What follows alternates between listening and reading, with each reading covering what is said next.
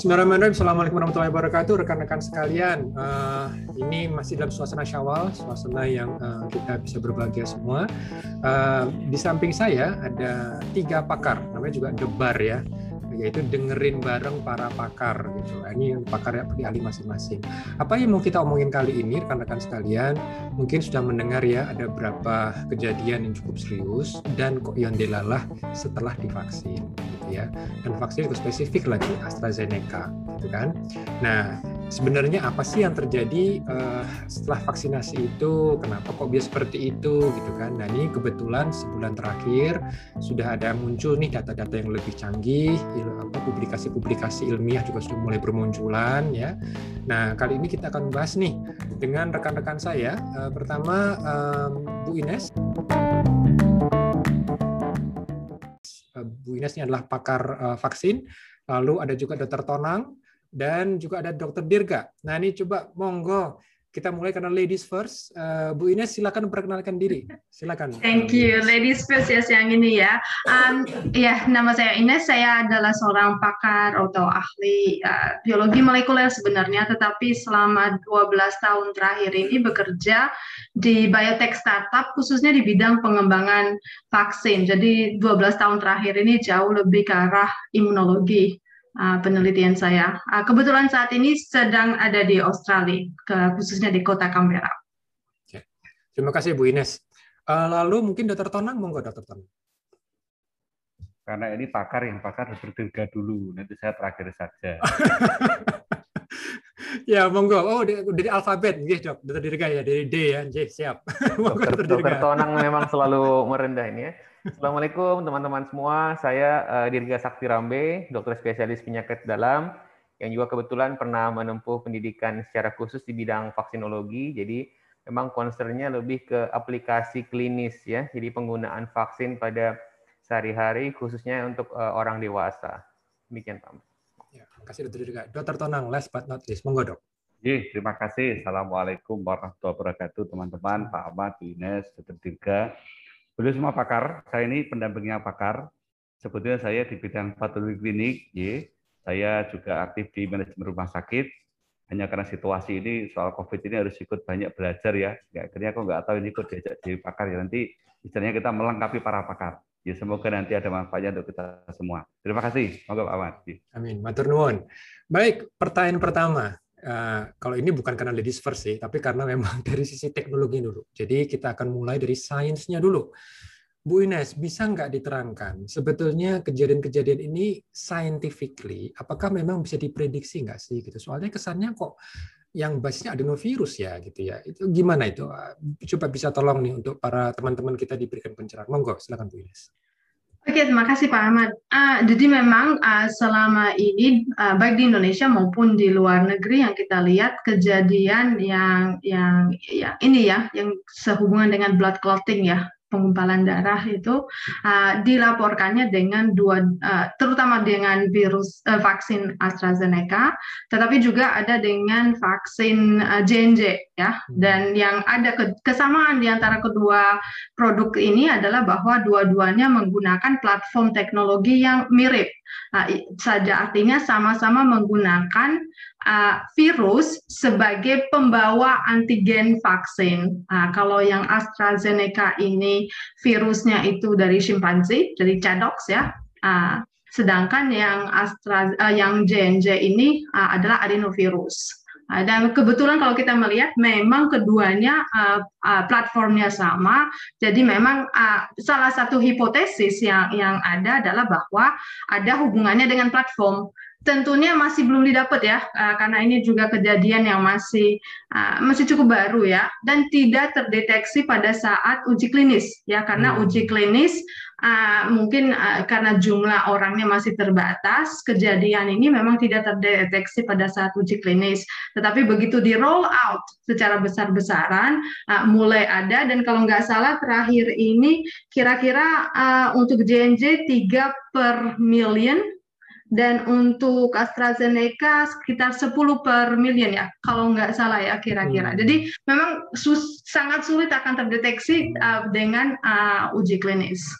Uh, nah, yang sekarang dicari adalah apakah memang uh, pembawanya ini yang yang yang menjadi uh, permasalahan ataukah komposisinya hmm. ataukah uh, cara uh, antigennya itu ter uh, ter apa display ya karena kita kan hmm. uh, setiap platform kan uh, mendisplay antigen itu agak berbeda-beda.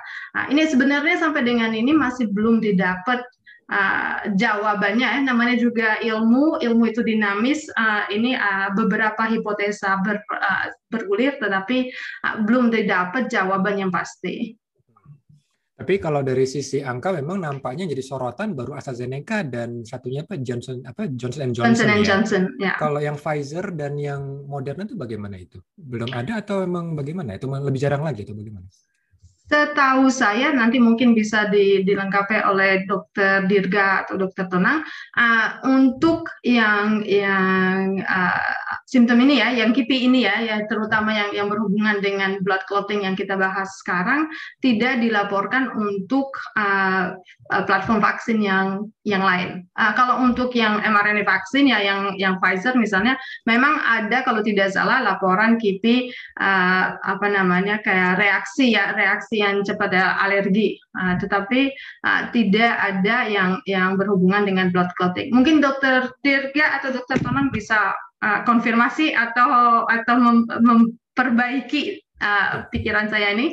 Setuju. Silakan dokter Dirga. Dari pengalaman sebagai ahli mengenai vaksinasi ini sebetulnya pembukuan darah ini apakah memang uh, bisa kita expect atau kita bisa lihat dari platform yang lain atau bahkan sebetulnya kalau nggak salah COVID sendiri kan juga sebetulnya menimbulkan pembekuan darah juga ya dok ya artinya sebetulnya kan ini ada dua hal nih pembekuan ya. darah karena karena COVID sama pembekuan darah karena vaksin gitu nah ini kan masyarakat jadi bingung pilih yang mana nih coba tolong ya. dok kita dibuat ini disahkan sebelumnya saya ingin menjelaskan dulu logika berpikir kedokteran itu agak sedikit berbeda sama uh, logika awam masyarakat awam ya jadi mungkin teman-teman banyak yang bingung. Ini orang habis vaksinasi ada yang demam, ada yang sakit kepala, ada apa. Tapi ini alih-alih ngomong vaksin aman, vaksin aman gitu kan. Aman dari hmm. mana ya? Yes. Jadi secara kedokteran, secara public health, kesehatan masyarakat, aman itu artinya ketika manfaatnya melebihi uh, risikonya. Jadi semua produk intervensi kedokteran, obat, vaksin, tindakan pembedahan itu semua ada manfaat, ada risikonya. Jadi aman itu bukan tidak terjadi apa-apa, bukan. Aman itu ketika manfaatnya melebihi dari risikonya. Tadi dalam konteks uh, trombosis ini kita tahu tadi uh, uh, untuk AstraZeneca 10 dari 1 juta orang yang disuntik itu akan mengalami trombosis. Sementara kalau kita bandingkan dengan konteks penyakit COVID ya, jadi supaya relevan kita bandingkan tuh antara penyakitnya dengan vaksinnya. Kalau uh, trombosis pada penyakit COVID itu saya lupa, tapi jauh ya sekitar di atas 10% rasanya trombosisnya. Makanya sampai hari ini itu disebut bahwa vaksin AstraZeneca ini tetap aman. Itu. Nah, tadi betul yang disampaikan Bu Ines sampai hari ini yang terbukti ya, yang istilah fit itu memang terbukti baru spesifik ya baru dilaporkan pada vaksin AstraZeneca dan J&J. Dan kelihatannya memang ini terkait dengan uh, teknologi uh, pembuatannya gitu. Pak Ahmad. Ya, mungkin bisa di spell out nih dok. Fit tadi apa nih buat masyarakat kita apa itu fit tadi itu? Artinya panjangannya apa?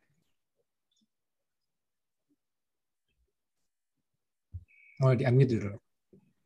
Vaksin vaksin induced ya. Halo, ya? Ya, Suaranya jelas? Ya, jelas.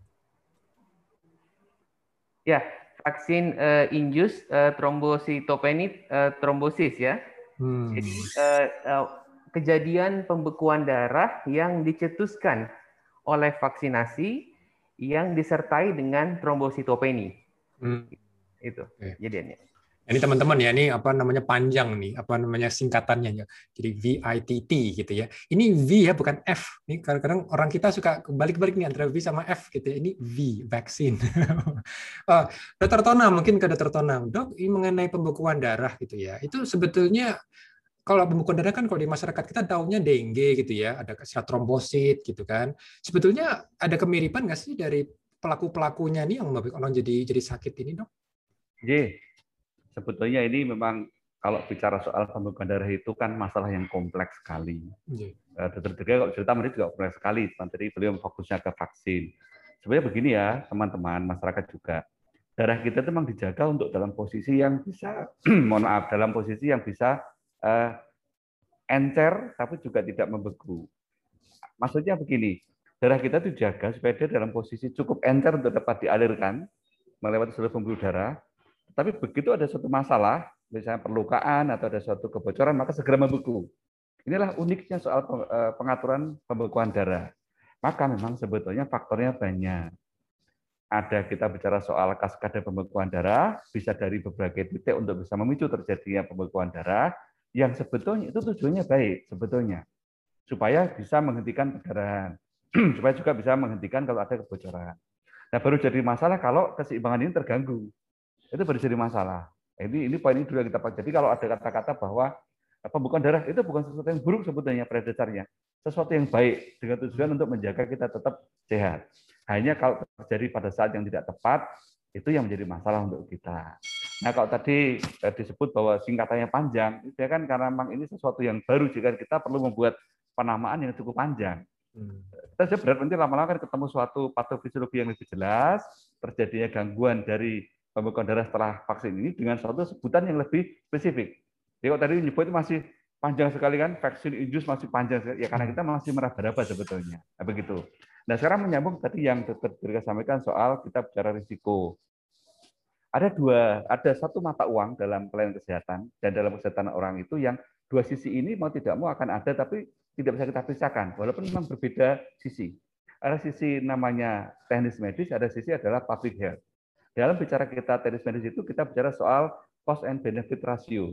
Kita berpikir mengenai kalau orang ini kita beri obat ini, seberapa dia punya harapan mendapat manfaat dan seberapa risikonya.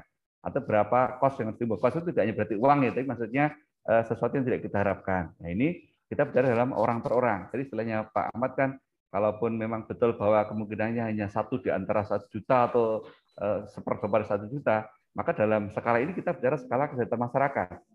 Kita bicara hmm. mengenai risk and opportunity. Bagaimana kita bisa mendapatkan peluang terbesar tetapi dengan risiko yang masih dapat kita terima, artinya masih uh, acceptable risk. Nah, inilah agak beda di sini titik ini. Maka kalau tadi ketika sampaikan, kenapa orang masih menyebut vaksin aman? Ya karena dalam perhitungan ini nilai manfaatnya itu jauh melebihi risikonya. Nah, ini. nah tentu ini bicara public health. Sekarang bicara soal perang, ya kita sampaikan nanti adalah begini. Kita akan lakukan upaya mitigasi supaya kalaupun betul terpaksa harus ada. Ini juga ada yang mau, saya juga harus luruskan dulu Pak Ahmad. Kalau hmm. ada kita bisa mengatakan bahwa risikonya adalah satu dari satu juta, itu bukan berarti lantas kalau ada 999 orang berarti yang ke satu juta pasti kena kan? Saya bukan begitu sebetulnya kan? bukan gitu ya dok. Begitu ya. sebetulnya. Makasih dok. Teruskan. Okay. Nanti orang terus merasa kalau begitu saya nggak mau vaksin hari ini kan hari ini pasti hitungan ke satu juta, kan tidak bisa begitu kita. Oh, nah, ya, ya, sudah okay. salah sangka ya. Nah, kita tetap harus siapkan mitigasi, baik-baiknya supaya nanti kalaupun betul ada, kita bisa tangani. Itu saya kira adalah langkah yang rasional saat ini. Monggo ngaten Pak Mati. Ya, makasih. Nah, sebelum uh, ke arah uh, apa tips praktis saya mau balik ke Dokter Ines dulu nih. Uh, Bu Ines, ini vaksin gotong royong kan sudah mulai di roll out ya. Dan kalau nggak salah salah satunya ada dari Gamaleya itu Sputnik dan juga mungkin Cansino mungkin. Ya. Itu juga adenovirus juga. Dari Betul. pandangan Bu Ines gimana itu? Kira-kira apakah kita perlu perlakuan yang berbeda nih? Karena sekarang adenovirus sudah mulai di banyak bibir banyak orang nih. Apakah mereka harus, waduh saya nggak mau pakai ini, saya maunya yang itu aja deh gitu. Gimana eh, Bu Ines? Ya, sebenarnya ini ini adalah situasi yang dihadapi oleh semua negara ya sekarang karena uh, tadi seperti Dokter Dirga dan Dokter Tunang sebutkan itu semuanya harus balance ya antara risk dan dan benefit ya. Uh, di sini juga sedang ada diskusi yang yang hangat juga di Australia mengenai penggunaan virus AstraZeneca lebih-lebih karena uh, di Australia tidak apa namanya keadaan cukup terkendali ya. Jadi tentunya uh, balance dari risk risk and uh, benefitnya itu juga agak berbeda ya. Tapi kembali tadi ke pertanyaan Pak Ahmad ya, uh, benar. Uh, jadi Gamelia ini uh, dia menggunakan uh, adenovirus ad, uh, ADV26, jadi sebenarnya mirip dengan yang JNJ dan Cansino menggunakan ADV5 ya. Jadi sama-sama adenovirus dan kebetulan yang kedua ini adenovirus yang berasal dari manusia ya. Jadi sama hmm. dengan J, dengan JNJ yang kalau dilihat sejauh ini lebih rendah uh, kejadiannya dibandingkan yang yang uh, AstraZeneca. Menariknya uh, dari kedua produk ini belum ada laporan adanya VITT ini ya. Tetapi mungkin ini juga bisa dihubungkan dengan tempat penggunaannya ya. Mungkin kalau misalnya sistem untuk pelaporan KIPI-nya tidak tidak rapi, mungkin belum ada kesempatan atau ke untuk tertangkap ya data-data ini ya. Jadi tidak adanya laporan untuk Gamelia tidak belum tentu berarti bahwa tidak ada kasus ya. Uh, kita uh, karena itu mungkin tergantung sistem ya. Uh, karena hmm. kasusnya itu harus dilaporkan ya. Kalau tidak ada yang oh, laporkan, okay. tidak ada yang buat database, ya berarti informasi ini hilang gitu ya. Uh, so we have to take it with a with a pinch of salt ya. Sedikit banyaknya kita juga harus berpikiran kritis juga uh, melihat uh, melihat informasi. Kalau dari segi risiko tentunya kalau misalnya sudah diketahui bahwa satu platform mengandung resiko yang lebih banyak, uh, mungkin itu harus menjadi pertimbangan juga ya. Kalau kalau saya lihat di Indonesia sudah ada penggunaan vaksin AstraZeneca, mungkin kalau ada pilihan yang lain, bagusnya juga memikirkan ya atau mempertimbangkan mempertimbangkan hal tersebut. Bukan hanya dari aspek kita menghindari terjadinya kasus, tetapi juga dari aspek apakah nanti akan ada hesitansi ya dengan hmm. semakin banyaknya vaksin yang mungkin di, di, di ada ada ininya ya uh, apa namanya sedikit polemiknya hmm. apakah ini sebenarnya akan kontraproduktif terhadap uh, apa namanya uh, ke animo masyarakat untuk divaksinasi ya. hmm, ya karena uh, berhasilnya program vaksinasi ini itu sebenarnya sangat tergantung dari animo masyarakat ya. Uh, dan uh, untuk itu kita harus uh, mereka harus yakin bahwa uh, lebih besar manfaatnya daripada risikonya untuk mereka. Dan itu adalah pilihan masing-masing orang ya. Karena tentunya risiko orang seperti tadi dokter tenang sangat bagus itu uh, apa namanya menekankan itu bukan karena dan kita nomor ke satu juta ya. Tiba-tiba akan terjadi pada kita. Itu sebenarnya ada faktor-faktor yang yang mengakibatkan ada orang yang lebih besar resikonya. Faktor apa itu masih belum diketahui ya. Dan ini yang yang yang sedang diteliti dan dicari oleh banyak oleh banyak uh, ahli uh, di di dunia. Apa yang membuat seseorang lebih rentan terjadinya VITT VITT ini sebenarnya menarik karena uh, mirip dengan yang HIT ya HIT yang heparin jadi sebenarnya ada ada uh, apa sindrom yang sama yang yang, yang juga uh, terlihat dengan adanya uh, apa namanya kalau orang menggunakan heparin ya. Jadi sebenarnya banyak kita pelajari dari HIT ini yang uh, para ahli bisa pelajari dari HIT ini kemudian mereka terapkan untuk untuk melihat uh, VITT ini ya. Nah, jadi again itu sebenarnya uh, menjadi risiko tapi setahu saya sejauh ini yang masuk untuk vaksin gotong royong saat ini baru Sinopharm ya. Dan hmm. Sinopharm hmm. adalah vaksin yang menggunakan platform yang sama dengan Sinovac, whole inactivated. Okay. Hmm. Jadi vaksin ada yang berbasis virus SARS-CoV-2 ini yang diinaktivasi. Jadi mungkin uh, ini ada ada uh, uh, supaya masyarakat juga merasa uh, apa namanya tidak bertambah lagi uh, polemiknya ya. Yeah. Ya ini menarik. Mungkin kalau saya boleh ke Dr. Dirga, dok. Uh, tadi disampaikan Dr. Ines ada populasi tertentu yang berisiko tanda kutip gitu ya. Walaupun memang kita belum tahu persis yang seperti apa apakah ada yang bisa kita cek dulu atau nggak mungkin nanti dokter Tona bisa menambahkan apa sih yang kita bisa antisipasi dulu. Tapi uh, dokter gak uh, ini kan nanti katanya bulan Juli itu mau tetap muka nih dok. Dan uh, itu harus diantisipasi dalam artian para pendidik para tenaga guru harus divaksinasi dulu semuanya Nah, kita juga ketahui banyak guru-guru itu usianya muda-muda gitu. Sementara kalau saya baca di literatur, kok kesannya memang cenderung pada tanda kutip yang muda ya dok. Ini bagaimana dok? Bagaimana kita bisa apa ya? Jadi para guru bagaimana nih? Satu sisi mereka harus siap untuk membuka sekolah, tapi kok dapatnya AstraZeneca misalnya atau dapatnya JNJ misalnya. Ini bagaimana dok? Bisa nggak apa yang bisa uh, kita bantu mereka? Apakah memang kita tangguhkan dulu atau bagaimana? Monggo dok. Ya, sekali lagi kita harus memahami bahwa situasinya sekarang sangat sulit karena uh, stok vaksin di seluruh dunia itu terbatas. Ya, boleh dikatakan kita tidak punya pilihan yang banyak gitu. Ya, jadi uh, ya se seadanya, tapi tadi, tadi tentu dengan selalu mempertimbangkan antara manfaat dan risiko. Dalam hal ini, Yang saya tahu Indonesia itu uh, pilihan utama vaksinnya adalah vaksin Sinovac, Bio Farma, dan vaksin AstraZeneca. Itulah dua vaksin dengan jumlah atau kuantitas terbesar yang akan kita uh, gunakan. Jadi uh, apa uh, kondisi ini akan terus dipantau. Tapi betul Pak Ahmad, jadi data menunjukkan bahwa kejadian trombosis pembekuan darah yang tidak normal ini terjadi kebanyakan kepada usia muda.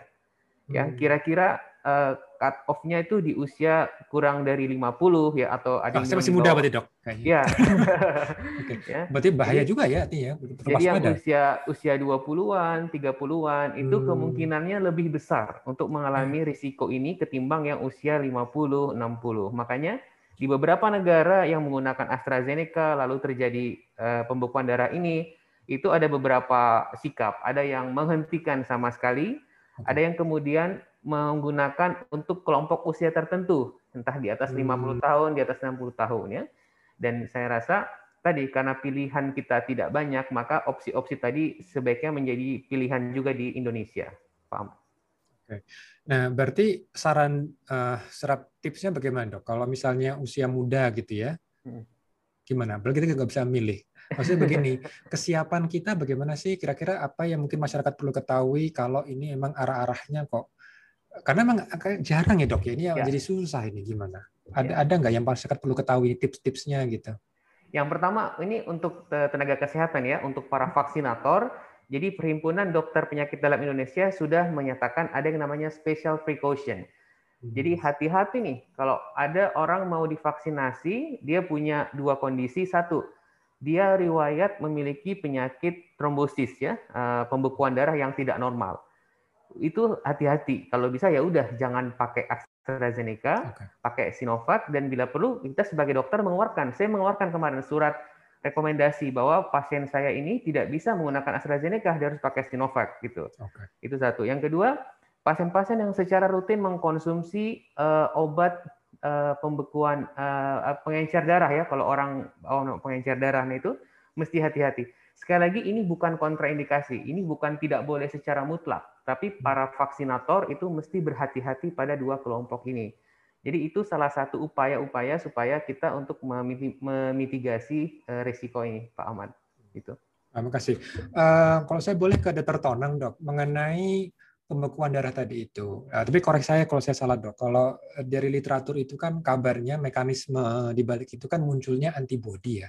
munculnya antibodi katanya namanya anti PF4 nih, dok, katanya nih mungkin kalau berkenan coba tolong uh, cerahkan kami gitu ya. Sebetulnya PF4 itu apa dan bagaimana apakah itu bisa juga menjadi salah satu ukuran untuk diagnostik nih kalau ada kejadian misalnya pasien dan apakah Indonesia sudah siap dok untuk mendeteksi antibodi tersebut? Ya, ini sebenarnya sudah ada di podcastnya Pak Ahmad kemarin ya. Ya. Kan? nah, nah, tapi kan saya kan klinik, eh, bukan klinis dok, saya kan dokter monggo, tolong dikoreksi jadi, kalau teman saya. Jadi trombosit itu punya dua fungsi utama, yaitu fungsi adesi dan fungsi agregasi sebetulnya. Yang sekali lagi sebetulnya dua fungsi itu bersifat positif, artinya itu hal yang baik untuk kita sebetulnya. Hmm, okay. Jadi dia melakukan adesi maupun melakukan agregasi adalah upaya kita untuk menjaga supaya aliran darah tetap berjalan lancar. Dua itu yang dilakukan. Nah, dalam konteks itulah maka muncul fungsi dari faktor eh, platelet faktor 4 tadi. Begitu sebetulnya. Nah, sekali lagi keseimbangan dalam koagulasi ini memang terus terang sangat tricky, itu sangat tricky. Nah, ada suatu suatu titik di mana terjadi penyimpangan keseimbangan yang jadi masalah. Nah, kalau tadi disebut dengan heparin induced uh, heparin induced thrombocytopenia tadi karena P4-nya itu kan yang bereaksi dengan dengan heparin jadi begitu. Nah, maka dalam kondisi normal mestinya tidak terjadi hal seperti ini ya tetapi dalam kondisi tertentu yang saat ini kita belum tahu itu ternyata pemberian vaksin yang yang sejauh ini ya baru sejauh ini baru yang dari AstraZeneca ya yang pada sebagian orang tertentu yang kita juga belum tahu seperti apa orangnya ternyata ada respon ini. Oh, nah, okay. kalau tadi disebutkan misalkan soal usia, ini saya kira ini juga masih sifatnya masih masih merupakan data awal kita dari suatu data-data awal bahwa ternyata yang yang banyak kena yang usia sekian kan begitu kita juga belum menemukan suatu dasar ilmiah yang kuat benar untuk mengatakan memisahkan bahwa usia ini begini karena begini kita juga belum. Hanya kan kehati-hatian kita akhirnya udah karena kita belum tahu kita patok dengan usia tadi harapan kita untuk meminimalkan risiko. Jadi oh, udah kita ketemu, ketemu oh ternyata seperti ini eh, masalahnya lah kita baru bisa. Tapi memang kalau yang namanya sudah sesuatu yang sifatnya langka, artinya kejadian sangat jarang sekali itu, biasanya memang susah untuk kita temukan satu pola eh, patofisiologi yang fix memang susah. Ya udah seperti itu ya kita terpaksa bermain dengan tadi pemilihan pakai risiko yang kita lakukan tadi. Nah, saya sangat senang tadi Dr. Dirga sudah menegaskan sehingga teman-teman vaksinator lapangan menjadi lebih lebih mantap. Sebenarnya memang sekitar dua dua atau tiga pekan yang lalu memang sudah keluar surat itu sebetulnya bahwa ada special precaution tadi agar pada orang-orang yang sebenarnya Dr. Dirga tadi itu maka vaksinator minta untuk rekomendasi dari dokter yang merawat selama ini agar kita punya pegangan. Nah, itu langkah yang baik menurut saya. Nah, saya justru usul begini agar semua ini menjadi lebih jelas. Memang saya kira Eh, kita justru perlu sampaikan dengan terbuka alurnya. Pak alurnya bagi Anda-Anda yang tadi misalkan pernah mengalami stroke, misalnya pernah mengalami beberapa penyakit yang berhubungan dengan koagulasi, maka segera ke dokter kan begitu. Nanti dokter yang akan menilai seberapa ini risikonya dan akan keluar surat misalkan bahwa ini memang eh, dapat diteruskan dengan vaksin ini atau mungkin barangkali dengan rekomendasi vaksin yang lain. Nah, keterbukaan ini memang bukan yang mudah di kita, karena biasanya kalau dibuat terbuka itu akan ada titik di mana orang akan memunculkan kekhawatiran berlebih. Tadi istilahnya Bu Ines ada hesitancy tadi. Tapi saya kira pada kan tetap lebih baik untuk kita buka daripada untuk daripada kita tidak buka jadi nanti malah memunculkan banyak ini di kita tuh kalau nggak dibuka kan malah jadi muncul banyak informasi yang, yang dibuka dari mana-mana. Yang dibuka itu maksudnya apanya? Informasi ya. Jadi kita oh, Oke, hmm. posisi saat ini yang kami tahu tentang AstraZeneca adalah begini maka oh, kami okay. akan begini, kita sampaikan begitu. Nanti pada hmm. saatnya ada perkembangan ilmu kita sampaikan lagi begitu. Nanti hmm. saya yakin pada akhirnya masyarakat akan akan memposisikan dengan mudah juga karena saya juga di beberapa media sosial juga sudah mulai diamatakan begini. Saya dapat vaksin AstraZeneca, ya betul memang reaksinya lebih kuat daripada eh, hmm. tetangga saya atau keluarga saya lain yang pakai dapat Sinovac. Ya saya lebih merasa meriang, lebih merasa uh, badan yang pegel itu iya, tetapi itu hanya dua hari. Tapi saya tetap baik-baik aja. Dan saya akan tetap ngambil nanti yang kedua. Kan ini bagus artinya. Nanti orang bisa hmm. lebih rasional berpikir kan begitu kan. Nah, kita cuma nambahkan sekarang mitigasinya bahwa apa pun walaupun masyarakat sudah rasional, kita tetap menyiapkan kalau sampai terjadi sesuatu yang tidak kita harapkan tadi, kita sudah siapkan. Nah, ini yang penting kita bisa siapkan. Karena kalau mengejar waktu, menunggu ada informasi ilmiah yang lebih lebih valid, lebih konkret tentang eh, VIT ini, rasanya akan menunda kegiatan vaksinasi yang tentu resikonya lebih besar. Ya, sekarang itu yang harus kita lakukan sekarang, Pak. Hmm. Ya, eh, menarik tadi yang sampaikan Dr. Tonang, eh, Bu Ines, bahwa penerima vaksin AstraZeneca ini, bahkan teman saya pernah cerita kayak dipukuli orang sekampung gitu. Kenapa ya? Apa sih yang sebetulnya, apakah karena memang virusnya, atau acuannya, atau apa ini Bu Ines nih? Mungkin ya besar kemungkinan karena sebenarnya vaksinnya itu sebenarnya terdiri dari virus yang masih hidup tetapi dilemahkan kan. Jadi ya apa namanya uh, itu mungkin adalah reaksi ya terhadap jadi jauh lebih kompleks ya. Kalau kita melihat komposisinya itu dia jauh lebih kompleks komposisinya dibandingkan misalnya uh, vaksin AstraZeneca atau vaksin yang Pfizer ya. Karena kalau yang yang vaksin yang yang terdiri dari subunit kan uh, jumlahnya sedikit ya apa komponennya sedikit jelas. Kalau ini kan jauh dan dia masih hidup. Jadi uh, ini adalah reaksi reaksi imun kita ya reaksi tubuh kita ya seperti tadi dokter Dirga bilang ya memang ini adalah tandanya bahwa uh, imun sistem sistem imunnya memang bekerja mengenali uh, virus uh, adenovirus ini sebagai yang pembawanya ini sebagai sesuatu yang asing kemudian uh, timbullah uh, respon imun ya. Uh, dan dan menarik bahwa setiap orang ya kembali lagi kepada sistem imun kita masing-masing ya. Suami saya kemarin seminggu yang lalu divaksinasi AstraZeneca dia sama sekali saya sampai saya ini gini-gini masa sih nggak sakit? gitu. Karena dia saya tanyain terus gitu. Saya tanyain terus ini ya dia bilang justru lebih sakit waktu uh, apa beberapa minggu yang lalu dia divaksinasi yang uh, influenza uh, kemudian itu kan adjuvanted. Dia bilang itu jauh lebih sakit yang influenza daripada yang AstraZeneca. Jadi we cannot make a, apa hmm. statementnya nggak bisa besar luas ya karena setiap orang kembali kembali lagi kepada uh, sistem imun setiap orang sama juga dengan VITT ini kembali lagi kepada uh, badannya kita masing-masing gitu ya. Uh, so it, it's hard ya untuk untuk uh, menjelaskan kenapa uh, terjadi terjadi reaksi yang yang berbeda-beda. Tapi saya juga mendengar ya, saya juga dengar uh, juga dari kawan-kawan yang mendapat AstraZeneca juga mereka merasa uh, benar apa namanya kayak dipukul sekampung gitu ya. Ya, ya. Dan juga mungkin ini ya Bu Ines dari sisi sekali lagi scientific evidence-nya ini kan ada juga uh, time timeline-nya juga ya. Kabarnya itu diwaspadai sekitar 4 atau lima hari pasca vaksinasi gitu. Kenapa ya Bu Ines? Ada nggak spekulasi mungkin kok perlu waktu tadi itu? Kenapa nggak immediate gitu? Bahkan ini salah satu apa kerumitan kita itu yang uh, yang meninggal mungkin pasca vaksinasi kok cepat banget ya kurang dari 24 jam. Tapi dari literatur nih ada apa dengan 4 5 hari itu sih uh, Bu Ines ada nggak kira-kira penjelasan? Ya kalau di kalau di sini malah kita dibilang uh, kalau di Australia dari ininya dibilangnya antara 3 sampai 21 hari. Oh, Jadi bisa okay. bahkan tiga minggu setelah divaksinasi. Ini kembali lagi kepada kepada uh, apa namanya kepada proses VITT itu sendiri ya. Karena dia hmm. adalah uh, berdasarkan adanya antibody terhadap platelet apa PF4 itu ya platelet hmm. 4 itu sedangkan kita tahu bahwa antibody itu perlu waktu untuk untuk muncul ya. Karena hmm. itu tidak heran juga bahwa uh, eh, VITT ini tidak instan. Jadi beda dengan allergic reaction ya, beda dengan reaksi okay. yang alergi ya, yang yang dilaporkan misalnya untuk yang vaksin Pfizer itu itu terjadinya dalam waktu kurang dari setengah jam. Makanya kan kalau habis divaksinasi kita disuruh nunggu setengah jam kan to make sure untuk meyakinkan bahwa tidak ada reaksi uh, apa namanya uh, yang yang cepat ya, yang yang alergi. Nah, tapi kalau VITT ini karena sebenarnya adalah cascade of event ya, jadi ada ada beber, harus ada beberapa hal yang terjadi baru timbulnya si trombus ini yang yang mengakibatkan uh, clotting ya sehingga sangat penting uh, untuk mewaspadai bahwa uh, mungkin saja bisa terjadi dua minggu setelah vaksinasi. Jadi uh, tadi barusan sebelum ini saya mendengar satu uh, satu apa namanya seminar di sini juga tentang tentang vaksin dan di, di sini dianjurkan uh, bahwa uh, tenaga uh, tenaga ini healthcare itu harus uh, membiasakan untuk menanyakan. Jadi kalau orang present dengan misalnya uh, simptom-simptom tertentu ya, dan ini yang harus kita kenali. Jadi mungkin ini, yang perlu kita uh, komunikasikan lebih baik ya,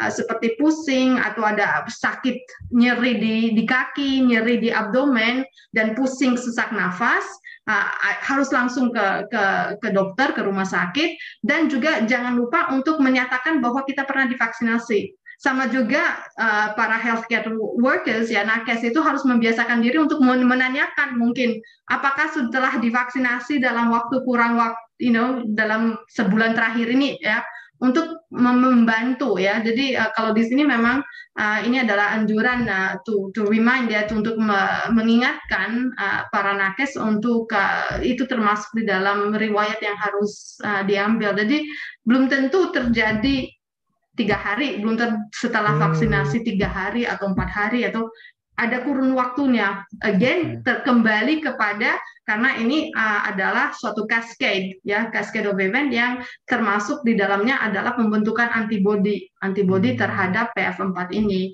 Yang sayangnya hmm. memang agak susah ya. Uh, jadi uh, saya juga tadi sempat diskusi sama teman kebetulan di lab sebelah ada yang kerja dengan PF4.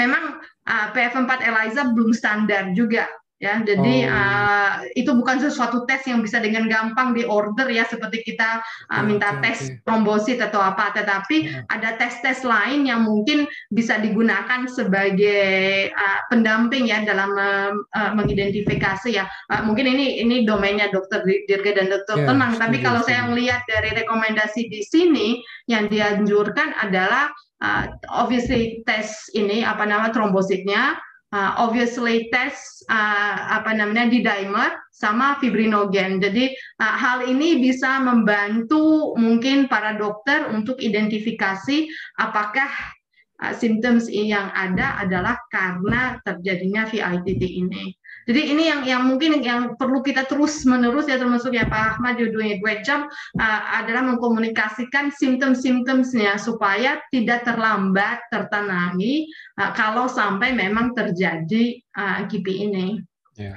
Nah ini monggo antara Dokter Dirga dan Dokter Tunan, monggo saya perlu dengar dua-duanya nih mengenai hari tadi itu, apakah yang magic tadi 3 sampai 4 hari kalau Bu Ines tadi mengatakan mungkin perlu waktu untuk antibody kira-kira apa nih uh, yang terjadi gitu? Apakah memang masyarakat perlu khawatirnya nanti setelah hari keempat atau mulai berkhawatir dari sejak awal atau bahkan tadi sampai 21 hari dok gitu kan?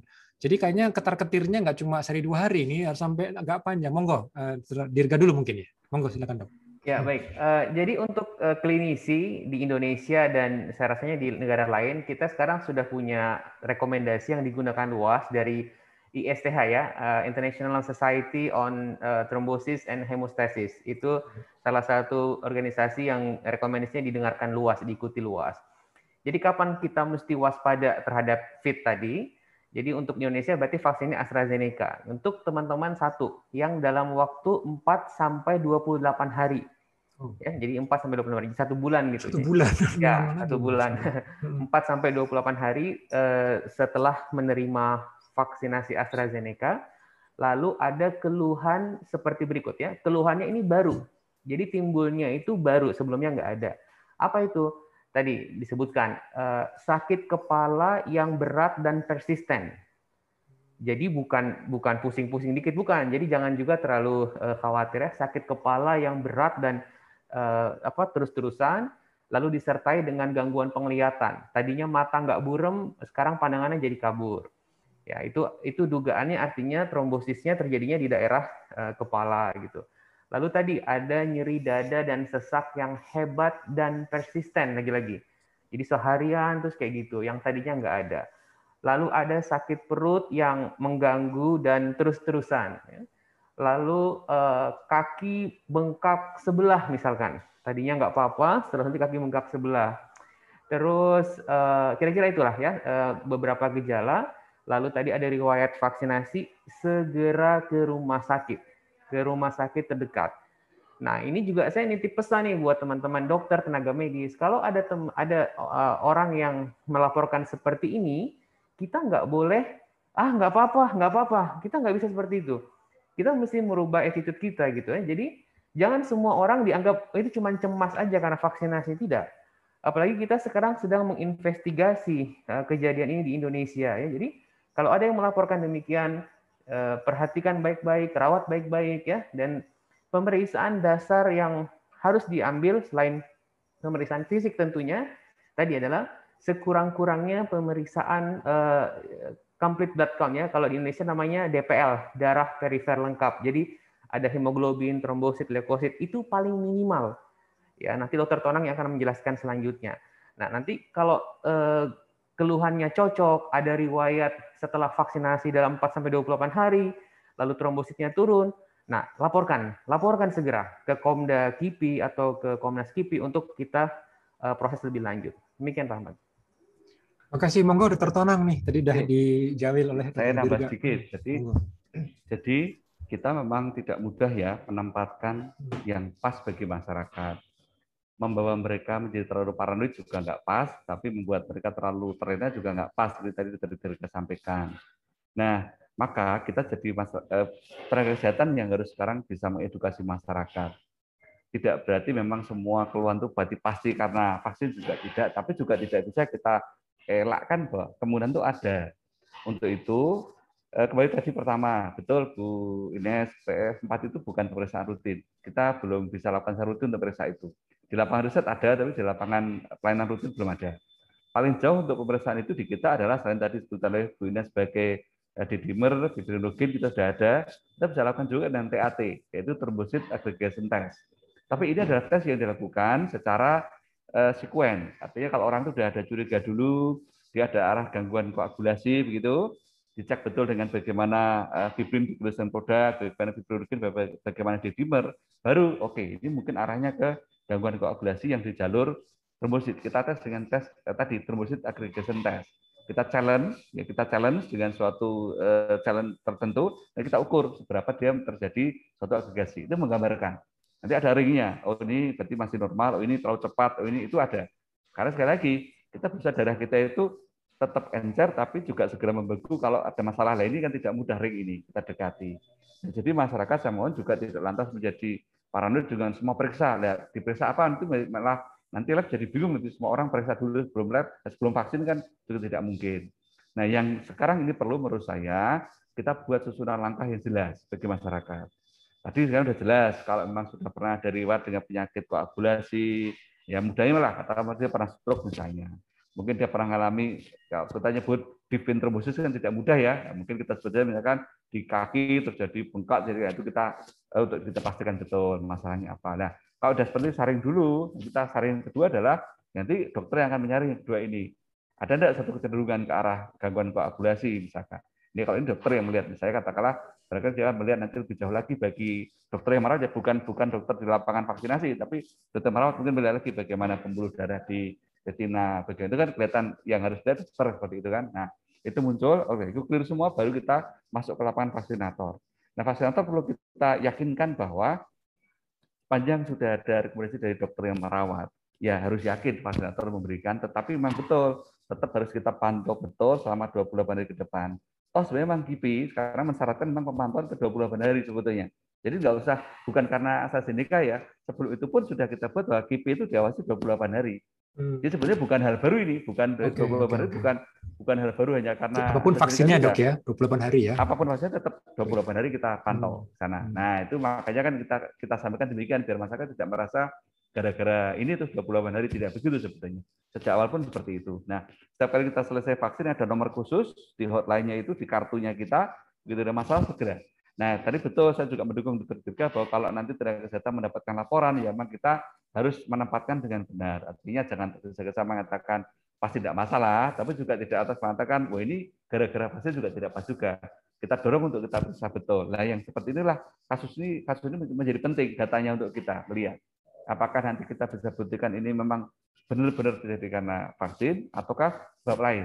Kan tentu saja setelah orang divaksin itu ada jarak sekitar kata 28 hari akan banyak faktor yang mungkin masuk mempengaruhi faktor pembekuan darah kita.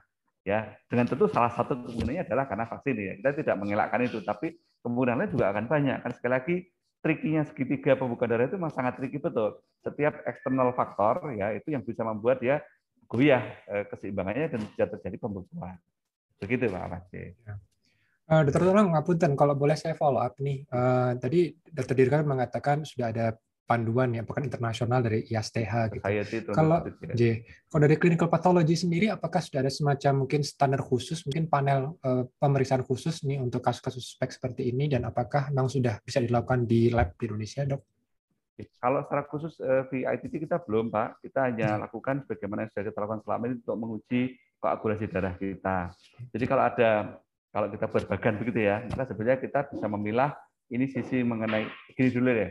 Pembukaan darah itu ada tiga fase sebetulnya. Ada fase respon primer, ada fase tersier. Nah, di masing-masing titik ini ada beberapa parameter yang kita gunakan.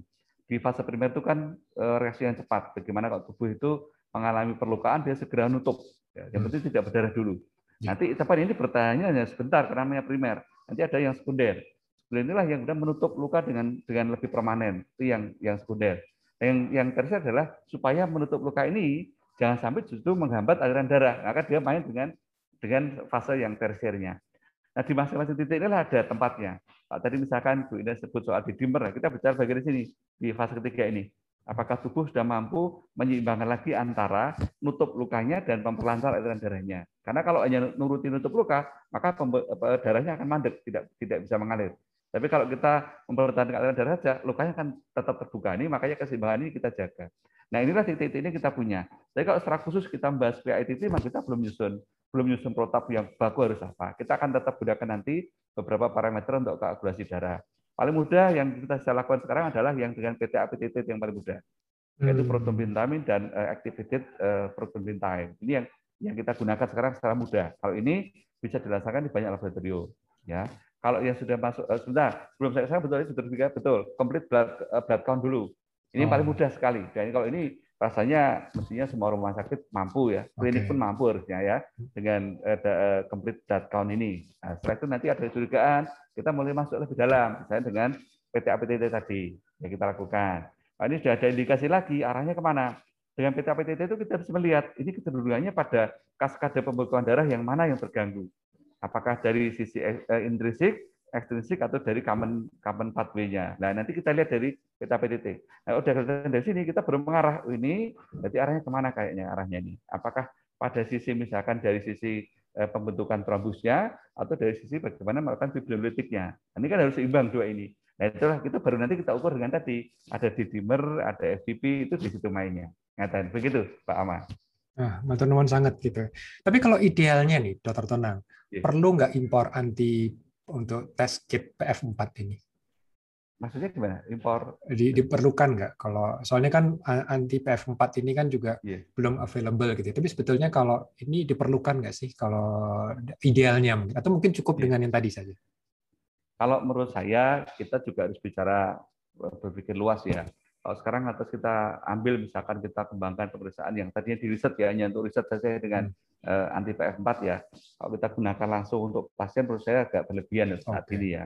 Okay. Karena artinya kan kita juga harus berpikir mengenai tadi uh, cost and benefit, risk and benefit ratio tadi kan. Kalau dengan katakanlah satu di antara sekian ratus ribu atau bahkan satu juta kan menjadi susah juga kita. Dan satu tes yang kita harapkan bisa mendapatkan satu orang di antara satu juta itu pasti akan ada risiko untuk false positif. Itu kan okay. hukum alamnya, hukum alam tes kan begitu kan. Nah, hmm. ya justru nanti bisa menimbulkan menurut saya nanti eh, apa ya eh, kecemasan yang justru menurut saya berlebihan. Hmm. Yang penting kalau saya tadi selama tidak ada riwayat yang mengarah ke gangguan koagulasi, kalau ada ya kita ke dokter untuk rekomendasinya kan. Udah nanti selesai, nah begitu ada sesuatu laporan, kita kejar dengan pemeriksaan lebih spesifik pada orang tersebut. begitu. Tapi kalau semua orang sebelum vaksin kita misalkan kita tes itu menurut saya nanti malah menjadi oh, menjadi jadi nggak perlu ya, tes sebelumnya nggak nggak perlu ya dok ya yeah, menurut saya belum siap, siap, siap. oke okay, nah terakhir nih uh, terkait dengan VITT ini uh, dokter Dirga dok dok misalnya dari timnya dokter Tonang sudah kayaknya ditegakkan nih dok gitu ada obatnya enggak? Nah, itu. itu mungkin masyarakat juga perlu perlu ya. tahu ini kayaknya. Monggo dong. Ya, eh, tadi kita sampaikan data di awal untuk AstraZeneca itu kejadiannya 10 dari 1 juta orang ya dan eh, 80 persennya itu survive ya. Okay. Yang fatal itu 20 persen. Jadi sebetulnya eh, yang sampai fatal sampai meninggal artinya secara statistik itu amat sangat kecil, tapi tentu hmm harus kita perhatikan ya. Nah, untuk terapinya juga sudah ada panduannya. Yang pertama adalah dengan menggunakan uh, intravenous uh, imunoglobulin ya. Jadi imunoglobulin yang memang saya harus akui uh, harganya cukup uh, mahal dan mungkin hanya tersedia di kota-kota besar dan itu dihitung uh, per kilo berat badan. Jadi memang menggunakannya banyak ya, diberikan selama dua hari. Yang kedua, uh, ini jadi alternatif mungkin terutama di Indonesia kita bisa menggunakan uh, steroid ya. Jadi seperti uh, prednison setara 1 sampai 2 mili per kilo per berat badan.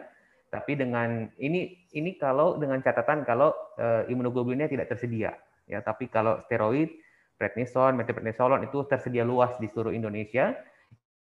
Kan dengan catatan ini terutama untuk teman-teman klinisi uh, trombositnya uh, harus di atas uh, apa 50 eh, ribu ya di 50 ribu dan tidak ada pembukuan itu untuk sampai menunggu terapi definitif gitu dan uh, eh sorry untuk untuk untuk pemberian steroid tadi tidak perlu ada syarat trombosit ya itu boleh diberikan ya, terapi berikutnya adalah pemberian antikoagulan antikoagulan ini yang non heparin tidak boleh pakai heparin yang ini tadi syaratnya trombositnya harus di atas 50.000 dan tidak uh, ada perdarahan yang mayor. Kira-kira itu. Nah, ada kita. Ya, makasih banyak dokter juga. Jadi ini kayaknya lengkap sedikit, ini. Pak. Oh ya monggo, silakan. Ya, silakan. Dan justru menurut saya yang kita harus tekankan ini Pak Ahmad bahwa daripada kita memaksakan pemeriksaan yang massal masif sebelum vaksin, kita yakinkan pada masyarakat bahwa kalau sampai nanti betul harus terjadi dugaan terjadinya HIV maka pemerintah menjamin Anda akan langsung dirawat di rumah sakit yang mampu memberikan tadi semua tadi sampai ke IVIG itu harus mampu diberikan sehingga kita yakin masyarakat bahwa ini pemerintah siap begitu. Itu lebih rasional dan itu lebih dapat kita ukur daripada kita memaksakan pemeriksaan massal misalnya semua diperiksa dulu semua lab nanti malah menjadi tidak efektif. Saya kira itu Pak yang penting. Ya, terima kasih. Ya, makasih banyak ini supaya juga masyarakat tidak salah paham setelah lihat podcast saya gitu ya. Soalnya memang yang yang saya maksudkan memang pemeriksaannya untuk menegakkan sih, bukan bukan di awal dok. Jadi ini supaya masyarakat juga paham. Jadi jangan langsung buru-buru semua minta tes. Kesan rumah sakit juga ujuk-ujuk apa nih minta tes PF4 gitu ya. Itu juga penting untuk dipahami. Uh, baik, uh, saya harapkan mungkin kalau boleh nih uh, mungkin pesan-pesan buat masyarakat di akhir pengunjung ini. Saya mungkin uh, titip juga nih uh, ke Bu Ines gitu ya uh, dalam penyampaian pesan buat masyarakat yaitu mungkin juga pesan pada ilmuwan kita yang mengembangkan uh, platform vaksin. Bagaimana nih Bu? Kita sudah mempelajari mengenai adenovirus. Apakah untuk ke depannya Indonesia juga menggunakan platform adenovirus apa tidak? Atau justru mempertimbangkan platform yang lain? Ya monggo silakan dimulai Bu Ines That's that's a good pertanyaan yang agak sulit ya. Uh, apalagi karena saya juga bekerjanya di bidang pengembangan vaksin nanti dibilang uh, apa namanya ada alternatif ya. motif. Tapi sudah disclose tadi ya. kok, apa-apa. Tapi saya sudah disclose ya. Yes, uh, jadi tentunya uh, apa yang yang terjadi sekarang dengan vaksin AstraZeneca dan J&J tentunya harus menjadi salah satu pertimbangan di dalam uh, mengembangkan vaksin.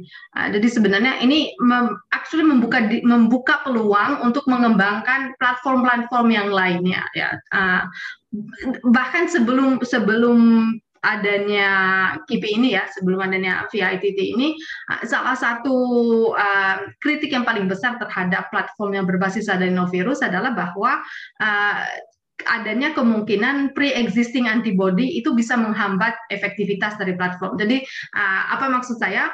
Uh, maksudnya itu adalah bahwa apalagi kalau uh, menggunakan adenovirus yang berasal dari manusia, besar kemungkinan kita semua sudah punya pre-existing antibody terhadap virus tersebut. Sehingga apabila kita disuntik dengan dengan vaksin yang yang berbasis adenovirus manusia ini uh, bisa mempengaruhi uh, efektivitas vaksin. Jadi sebenarnya sebelum VITT ini adalah major kritik terhadap uh, platform adenovirus. Uh, kemudian sekarang uh, dengan timbulnya VITT ini tentu uh, akan menjadi sesuatu yang perlu dipertimbangkan. Uh, mungkin yang paling penting adalah uh, mencari dulu uh, apa sebenarnya penyebab ya. Uh, karena sebagai peneliti kita ingin tahu nih uh, kenapa hal ini terjadi. Pertama untuk uh, mengetahui apakah uh, yang terlihat dengan uh, AstraZeneca dan J&J ini apakah itu karena platform atau apakah ini karena komposisi ya. Karena ini masih masih belum terjawab dengan dengan pasti ya.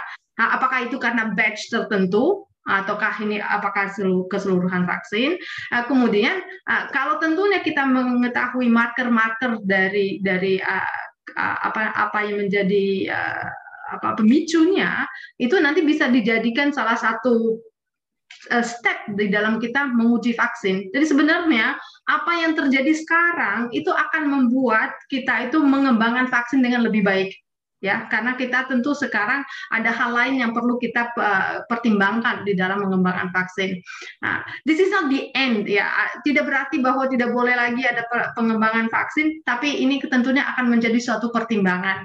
Pada ujungnya pengembangan vaksin ini uh, tentu harus dipertimbangkan ada ada pertimbangan komersial juga. Apakah vir, uh, vaksin ini bisa dijual? Apakah vaksin ini akan diterima? Ya, so it's not just bukan hanya dari segi keilmuan ya, tetapi nanti ada hal-hal lainnya yang akan menjadi pertimbangan. Nah, ini mungkin adalah debat yang yang yang bisa didebatkan di dalam sesi yang yang berbeda ya. Uh, ini ini saya saya kira bukan bukan uh, bukan menjadi alasan untuk menghentikan, uh, tetapi mungkin itu membuka peluang untuk lebih banyak penelitian, apalagi kalau penelitian ini dilakukan di di dalam uh, pada oleh akademi ya oleh oleh akademis ya. Uh, ini sebenarnya uh, banyak sekali yang bisa yang bisa diteliti untuk uh, memperbaiki cara kita mengembangkan uh, vaksin.